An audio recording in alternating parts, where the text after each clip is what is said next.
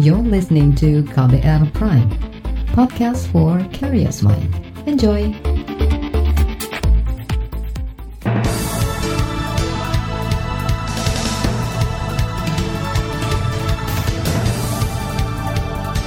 Selamat pagi saudara, senang sekali kami bisa menjumpai Anda kembali melalui program Buletin Pagi edisi Senin 16 November 2020 bersama saya Fitri Anggreni. Sejumlah informasi pilihan telah kami siapkan di antaranya Melanggar protokol kesehatan COVID-19, Rizik Sihab didenda 50 juta. Terkait demo Omnibus Law, kontras terima ribuan pengaduan tindak kekerasan polisi. Masyarakat di sekitar Taman Nasional Komodo menolak direlokasi. Inilah Buletin Pagi selengkapnya. Terbaru di Buletin Pagi. Pimpinan Ormas Front Pembela Islam FPI Rizik Sihab dihukum membayar denda 50 juta rupiah karena melakukan kegiatan yang menyebabkan kerumunan. Denda dikenakan karena tidak membatasi jumlah tamu undangan dan menciptakan kerumunan saat acara pernikahan Putri Rizik Sihab serta peringatan Maulid Nabi pada Sabtu malam kemarin. Ketua Satpol PP DKI Jakarta Arifin mendatangi kediaman Rizik Sihab di Petamburan Tanah Abang, Jakarta. Ya, pokoknya intinya saya sudah sampaikan dan sudah dikenakan denda dan sudah diselesaikan. Kepala Satpol PP DKI Jakarta Arifin menegaskan tidak ada yang dikecualikan dalam penegakan hukum bagi siapa pun yang melanggar aturan protokol kesehatan COVID-19. Ketua Satgas Penanganan COVID-19 Doni Monardo memuji langkah pemerintah Jakarta yang memberikan denda 50 juta rupiah kepada Rizik Sihab. Menurut Doni, denda itu adalah angka maksimal. Saya selaku Ketua Satgas Penanganan COVID-19 menyampaikan apresiasi dan ucapan terima kasih kepada Gubernur DKI Bapak Anies Baswedan yang telah mengambil langkah-langkah terukur terhadap adanya pelanggaran dari suatu kegiatan yang diselenggarakan di Petamburan. Gubernur Anies telah mengirimkan tim yang dipimpin oleh Kasatpol PP untuk menyampaikan surat denda administrasi sejumlah 50 juta rupiah kepada panitia yang menyelenggarakan acara tersebut. Ketua Satgas Penanganan COVID-19 Doni Monardo menyebut penegakan hukum adalah langkah terakhir yang diambil. Jika pelanggaran diulang, sanksi denda dilipat gandakan menjadi 100 juta rupiah. Anggota keluarga dari pimpinan Ormas FPI Rizik Sihab mengaku telah membayarkan sanksi denda yang dikenakan Satpol PP Jakarta. Ketua Front Santri Indonesia FSI sekaligus menantu Rizik Sihab Muhammad Hanif Alatas mengklaim keluarga sudah mengimbau tamu undangan untuk mematuhi protokol kesehatan. Namun pelaksanaan protokol tak terkontrol karena banyaknya tamu yang hadir. Kami dari pihak keluarga menerima dan memaklumi hmm. karena memang antusias umat tidak terbendung. Kami sudah menghimbau untuk patuh protokol, antusias umat uh, tidak terbendung. Uh, berusaha sebisa mungkin kita terapkan protokol dan tapi kami memaklumi sanksi tersebut dan kami sudah membayar. Sudah dibayar dari pihak keluarga dan kami memaklumi uh, adanya sanksi tersebut dan sudah dibayar. Meski sudah didenda, menantu Rizik Sihab sekaligus Ketua Front Santri Indonesia Muhammad Hanif Alatas menambahkan keluarga besar tidak akan memperketat agenda kegiatan Rizik Sihab. Pemerintah dinilai takut menindak tegas Ormas Front Pembela Islam atau FPI yang sudah jelas-jelas melanggar protokol kesehatan COVID-19. Menurut Sekretaris Nasional Perhimpunan Bantuan Hukum dan HAM Indonesia, PBHI, Julius Ibrani, beberapa kali masa FPI berkerumun dan melanggar aturan pembatasan sosial berskala besar PSBB. Julius mengaku heran karena untuk kasus pelanggaran yang serupa, sanksi bisa lebih tegas termasuk pemberian hukum sosial hingga material batasan-pembatasan yang yang dilakukan pemerintah termasuk kebijakan-kebijakan itu itu hanya berlaku bagi masyarakat kecil yang tidak punya afiliasi politik kepada kekuasaan. Pemerintah takut ya pemerintah tunduk jika kemudian ada pelanggar-pelanggar kebijakan pembatasan oleh pemerintah ini yang menimbulkan gejolak politiknya.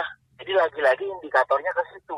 Sekretaris Nasional PBHI Julius Ibrani juga menilai tindakan Satgas Penanganan COVID-19 keliru saat memberikan bantuan masker dan penyanitasi tangan ke kerumunan masa FPI yang sedang melangsungkan acara di Petamburan, Jakarta. Para pejabat, tokoh publik, dan tokoh agama diingatkan untuk menjadi teladan dalam mematuhi protokol kesehatan COVID-19. Epidemiolog dari Griffith University Australia, Diki Budiman mengkhawatirkan kerumunan massa yang beberapa kali dilakukan jamaah Front Pembela Islam saat bersama pimpinan mereka Rizik Sihab berpotensi menciptakan klaster baru virus corona. Klaster keramaian ini juga sudah sangat jelas membuktikan bahwa setiap keramaian itu berpotensi pertama menjadi penyebar ya COVID ini ya dan juga ada yang disebut dengan super spreading events ya. Jadi penyebar yang yang dahsyat gitu dalam satu keramaian. Epidemiolog dari Griffith University Australia di Kibudiman menambahkan, kerumunan masa FPI yang tidak mematuhi protokol kesehatan bisa membuat jumlah kasus positif COVID-19 meningkat drastis. Ditambah lagi, pelaksanaan 3T atau testing, tracing, dan treatment juga masih lemah. Diki memperkirakan dalam waktu dua pekan hingga satu bulan mendatang, jumlah kasus positif di Indonesia bisa melonjak akibat klaster kerumunan. Saudara Kontras menerima ribuan pengaduan terkait tindakan kekerasan yang dilakukan aparat polisi saat menangani aksi unjuk rasa menolak Undang-Undang Omnibus Law Cipta Kerja. Informasinya akan kami hadirkan seusai jeda, tetaplah di Buletin Pagi KBR. You're listening to KBR Pride, podcast for curious mind. Enjoy!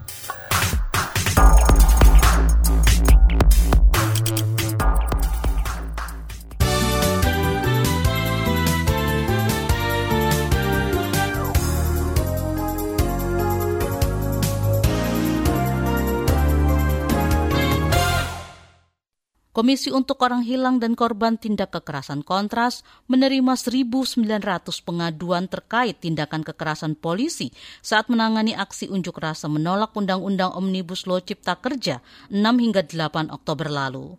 Berdasarkan pengaduan itu, Wakil Koordinator Kontras Rifandli Anandar mendesak Presiden Joko Widodo membenahi institusi Polri agar menghormati hak asasi manusia dan tidak anarkis saat menangani aksi demonstrasi. Nah kalau itu desakan kita tujukan ke Idam Aziz, itu kita rasa akan sia-sia. Makanya kita naikkan call-nya ke Presiden. Walaupun di satu sisi kita juga melihat bahwa penanganan aksi massa yang selama ini berlangsung, itu juga seolah mendapatkan pewajaran dari Presiden karena tidak ada langkah tegas. Langkah tegas ini semestinya bisa diambil sejak lama. Jadi video-video yang tersebar kemarin, itu emang kita ingin publik menyadari bahwa situasi kepolisian ini memang dari dalam sulit dibenahi, dari dari luar lah kita coba. Wakil Koordinator Kontras Rifanli Anandar menambahkan instrumen untuk penanganan aksi massa sebenarnya sudah diatur dalam peraturan Kapolri. Namun dia menilai peraturan itu kerap diabaikan dan malah menganggap masa aksi sebagai musuh. Kontras meminta lembaga pengawas eksternal Polri seperti Kompolnas, Komnas HAM, dan Ombudsman bertanggung jawab mengawasi serta memperbaiki Korps Bayangkara. Sejumlah organisasi masyarakat sipil mendukung penggunaan alat bantu untuk mempublikasikan hasil perolehan suara pilkada tahun ini. Alat itu berupa aplikasi sistem informasi rekapitulasi elektronik atau Sirekap. Menurut peneliti di Perkumpulan untuk Pemilu dan Demokrasi Perludem, Heroik Pratama, Sirekap menjadi salah satu bentuk transparansi dan akuntabilitas kerja. Menurut dia ini dapat meningkatkan kepercayaan publik terhadap proses pilkada. Tapi Sirekap juga tidak boleh menjadi pengganti rekapitulasi suara secara manual. KPU tetap berkomitmen untuk tetap menggunakan Sirekap sekalipun tidak merubah proses rekapitulasi manual begitu ya. Rujukan hasilnya tetap menggunakan rekapitulasi manual berjenjang tapi si rekap ini digunakan untuk kepentingan publikasi, transparansi, sekaligus alat kontrol kerja bagi KPU dalam proses rekapitulasi suara. Menurut Heroik Pratama, perlu dan bersama organisasi lain juga mendorong KPU dan Bawaslu untuk menyosialisasikan penggunaan Sirekap kepada partai politik, pasangan calon dan masyarakat. KPU juga mesti menjamin kesiapan infrastruktur, jaringan internet, hingga keamanan yang dapat berpotensi menimbulkan persoalan manipulasi hasil suara. KPU, Bawaslu, Kemendagri, dan DPR sebelumnya sudah sepakat untuk mempublikasikan hasil resmi penghitungan dan rekapitulasi suara pilkada lewat Sirekap. Pemanfaatan area hutan lindung untuk dijadikan lahan lumbung pangan nasional atau food estate dinilai hanya menambah dominasi bisnis korporasi terhadap kawasan hutan. Direktur Eksekutif Nasional Wahana Lingkungan Hidup Walhi Nur Hidayati mengatakan terbitnya peraturan Menteri LHK tentang penyediaan kawasan hutan untuk pembangunan food estate semakin memperkuat konsep pertanian tanpa petani. Dampaknya, selain potensi kerusakan hutan, masyarakat sekitar juga terancam bencana ekologis. KLHK dalam hal ini memainkan peran sebagai operator dari uh, perusahaan hutan itu uh, melalui kebijakan-kebijakannya mungkin KLHK tidak akan melakukan secara fisik gitu ya perusakan hutan tersebut atau uh, penghilangan uh, tutupan hutan untuk food estate ini, tetapi melalui kebijakannya ini memberikan jalan bagi aktor lainnya di dalam pemerintahan untuk kemudian melakukan perusakan tersebut. Direktur Eksekutif Nasional Walhi Nur Hidayati juga mengingatkan hingga kini terdapat lebih dari 33 juta hektar atau 26 persen kawasan hutan sudah dipatok untuk kepentingan bisnis korporasi. Sebelumnya Menteri Lingkungan Hidup dan Kehutanan Siti Nurbaya Bakar menerbitkan peraturan yang dapat membuat kawasan hutan lindung menjadi area pembangunan lumbung pangan nasional atau food estate. Peraturan Menteri itu sudah mulai berlaku sejak awal November kemarin. Kita ke Filipina. Sedikitnya 65 orang tewas dan belasan lainnya hilang sesudah topan Famco menerjang Filipina. Otoritas setempat kemarin juga melaporkan lebih dari 26 ribu rumah rusak, antara lain di Cagayan Selatan Luzon dan Metro Manila. Presiden Rodrigo Duterte terbang ke Provinsi Tugue Garao dan langsung memimpin proses penanganan bencana. Sementara itu, Gubernur Cagayan Manuel Mamba mengatakan banjir akibat topan Famco menjadi yang terparah sejak 45 tahun silam. Topan Famco menjadi topan ke-21 yang menerjang Filipina sepanjang tahun ini. Beralih ke berita olahraga, mega bintang Barcelona Lionel Messi mengajukan dua permintaan kepada Manchester City bila ingin merekrutnya pada akhir musim nanti. Dikutip dari harian The Mirror, Messi menginginkan agar pelatih Pep Guardiola dan striker Sergio Aguero tetap dipertahankan di Manchester City. Kontrak Guardiola dan Aguero dengan Manchester City sama-sama akan berakhir pada Juni tahun depan. Sementara itu, tidak konsistennya performa Manchester City dalam dua musim terakhir membuka peluang Manchester Biru itu untuk berganti pelatih pada musim depan. Saga bertajuk Menangkal Asap Rokok dan COVID dengan Kampung Bebas Asap Rokok akan kami hadirkan seusai jeda tetaplah di Buletin Pagi KBR. You're listening to KBR Pride, podcast for curious mind. Enjoy!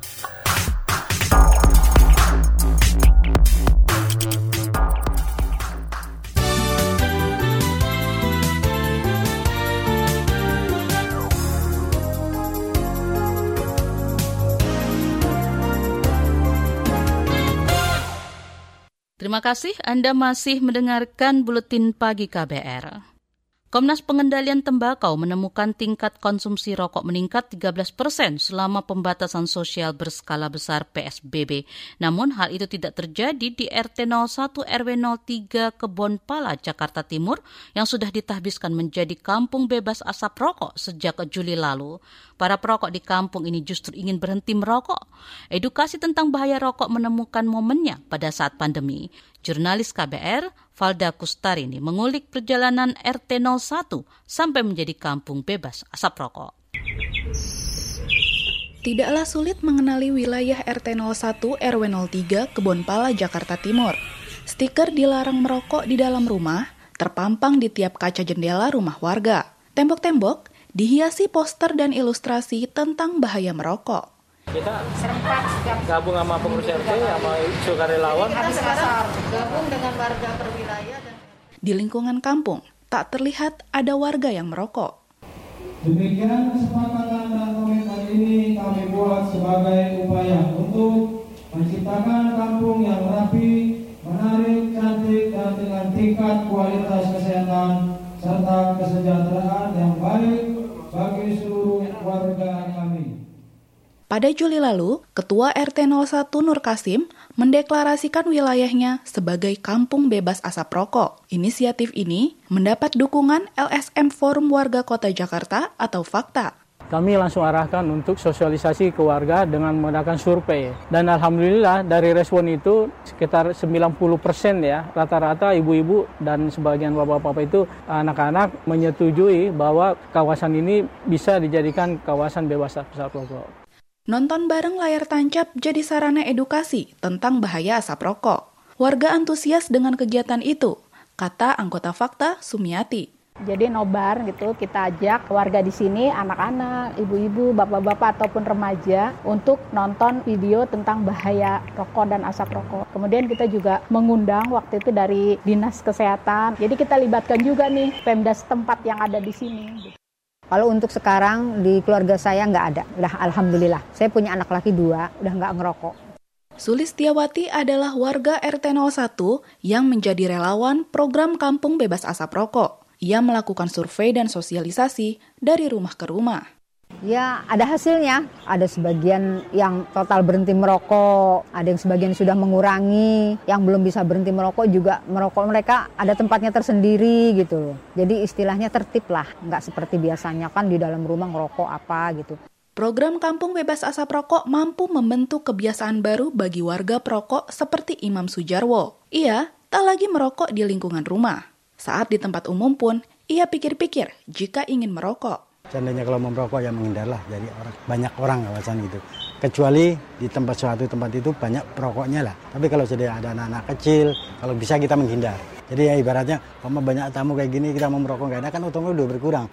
Ada area khusus merokok di RT 01. Ketua RT Nur Kasim sadar tak bisa melarang orang merokok kita memberikan himbauan begitu dengan mencarikan solusi juga ya pastinya ya. Ada di pinggir kali itu dekat pos RT, kita kasih tempat duduk terus sampingnya. Jadi mereka situ bisa bebas. Ada juga ruang ambulan itu ya kita itu kan jauh dari masyarakat ya.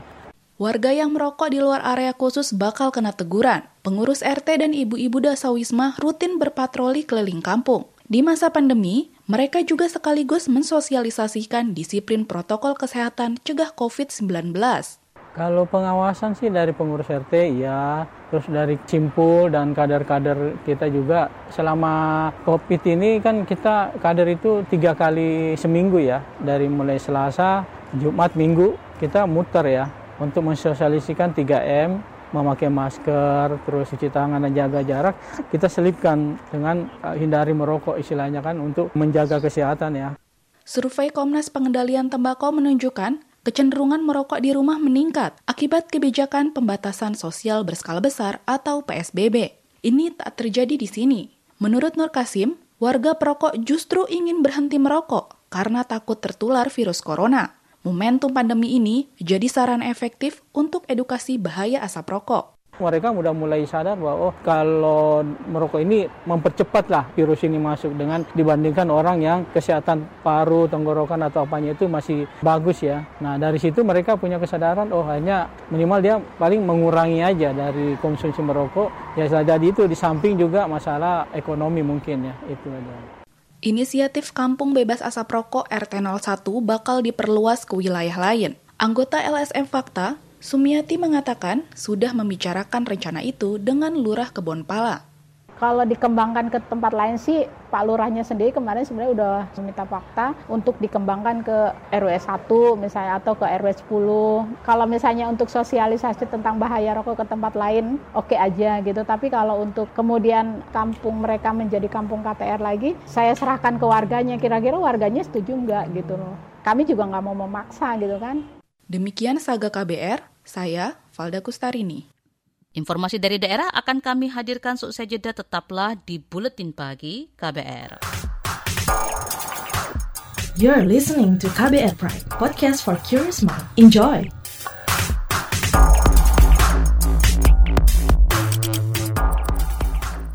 Commercial break. Commercial break. Commercial break. Ita Biliana, psikolog dari Lembaga Psikologi Terapan UI, memberi pesan kepada teman-teman Broken Home untuk meraih masa depan yang terbaik. terlepas bagaimana kondisi rumahmu, bukan kondisi orang tuamu, itu ya kamu adalah individu sendiri yang punya hak dan punya kemampuan untuk menentukan nanti ke depannya mau gimana gitu. Jadi apa yang terjadi di belakang kamu tuh it doesn't define who you are atau yes. who will you be gitu aja, who you will be. Simak obrolan selengkapnya dalam podcast Disco Diskusi Psikologi dalam episode Masa Depan Anak Broken Home di kbrprime.id dan platform mendengar podcast lainnya.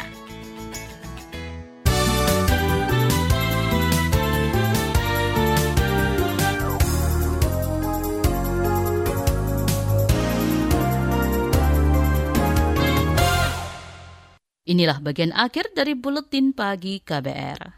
Masyarakat di sekitar Taman Nasional Komodo di Pulau Rinca, Nusa Tenggara Timur menolak direlokasi demi proyek revitalisasi kawasan wisata. Menurut Direktur Walhi NTT Umbu Wulang Tanah Amahu Parangi, wacana relokasi sudah beredar sejak tahun lalu. Relokasi berpotensi mengikis adat dan budaya lokal yang ada. Karena biar bagaimanapun, masyarakat di sana itu sudah ada sebelum Taman Nasional ada gitu loh. Sebelum ditetapkan jadi kawasan Suaka Marga Satu aja, masyarakat sudah ada duluan di sana. Dan jangan lupa bahwa masyarakat di sana itu punya hubungan kultural dengan Komodo gitu. Karena Komodo dianggap sebagai nenek moyang mereka. Mereka punya ritual-ritual memang dengan dengan Komodo. Dan kalau itu sampai dipindahkan, itu sama juga mencerabut orang dari kesejarahannya, dari kebudayaannya, dari landscape sejarah hidupnya. Direktur Wali NTT Umbu Wulang Ta'amahu Parangi mengingatkan pemerintah seharusnya mempertimbangkan Taman Nasional Komodo sebagai kawasan biosfer. Kelestariannya akan menyelaraskan alam, satwa, ekonomi, dan kebudayaan. Pemerintah saat ini sedang membangun semacam Jurassic Park di Taman Nasional Komodo. Targetnya, proyek itu bisa selesai pertengahan tahun depan. Pembangunan taman wisata ini memicu kontroversi karena tidak mempertimbangkan aspek konservasi. Guru dan tenaga kesehatan mendapat tiket kereta api gratis dalam rangka peringatan Hari Pahlawan. Menurut juru bicara PT KAI Purwokerto Supriyanto, tersedia 10.000 tiket gratis kereta api jarak jauh yang melayani sejumlah rute. Layanan dibuka sejak 8 November lalu. Sampai saat ini lebih dari 1.200 guru dan tenaga kesehatan yang mendapat tiket gratis ini menghormati dan menghargai guru yang merupakan para pahlawan tanpa tanda jasa serta tenaga kesehatan yang merupakan pahlawan kemanusiaan di masa pandemi COVID-19 ini. Berdasarkan pantauan kereta api yang menjadi favorit para guru dan tenaga kesehatan yaitu KA Wijaya Kusuma, relasi Cilacap Ketapang PP, KA Argo Dwi Pangga, relasi Gambir Solo, serta KA Ranggajati, relasi Cirebon Jember Juru bicara PT KAI Purwokerto Supriyanto menambahkan, layanan tiket gratis untuk kalangan guru dan tenaga kesehatan dibuka hingga akhir bulan ini. Voucher yang sudah didapatkan bisa ditukar tiket perjalanan di 9 stasiun seperti Gambir, Bandung, Semarang Tawang, Yogyakarta, Gubeng, dan lainnya. Tradisi pembacaan naskah kuno kisah Nabi Yusuf atau mocoan lontar Yusuf yang biasa dilakukan masyarakat suku Osing di Banyuwangi ditetapkan sebagai warisan budaya tak benda. Kepala Dinas Kebudayaan dan Pariwisata Jawa Timur Sinarto mengatakan penetapan itu menjadi bentuk pengakuan pemerintah terhadap budaya tradisional yang telah terbentuk dan lestari, sekaligus sebagai upaya untuk memajukan budaya tersebut. Ada sekitar 20 yang telah diakui oleh pemerintah pusat sebagai warisan budaya tak benda. Mocowan lontar Yusuf dari Banyuwangi, Jaran Kitang Jawa Timur Kota Batu, Bantengan Jawa Timur Kota Batu, Bantengan Jawa Timur Kabupaten Pasuruan, Reok Bulkio Kabupaten Blitar, Sementara itu, Bupati Banyuwangi Abdullah Azwar Anas mengatakan mocoan lontar Yusuf bertahan dari generasi ke generasi suku Osing. Sebelumnya, sejumlah tradisi masyarakat lokal juga sudah ditetapkan sebagai warisan budaya tak benda, yaitu tarian janger, sebelang oleh sari, bakungan, dan kebon alian. Informasi tadi saudara menutup jumpa kita di Blutin pagi hari ini. Pantau juga informasi terbaru melalui kabar baru situs kbr.id, Twitter kami di akun @beritaKBR serta podcast di alamat kbrprime.id. Akhirnya saya Fitri Anggreni bersama kerabat kerja yang bertugas undur diri. Salam.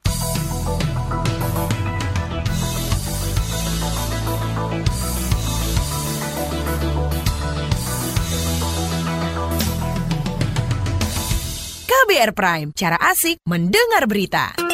KBR Prime, podcast for curious mind.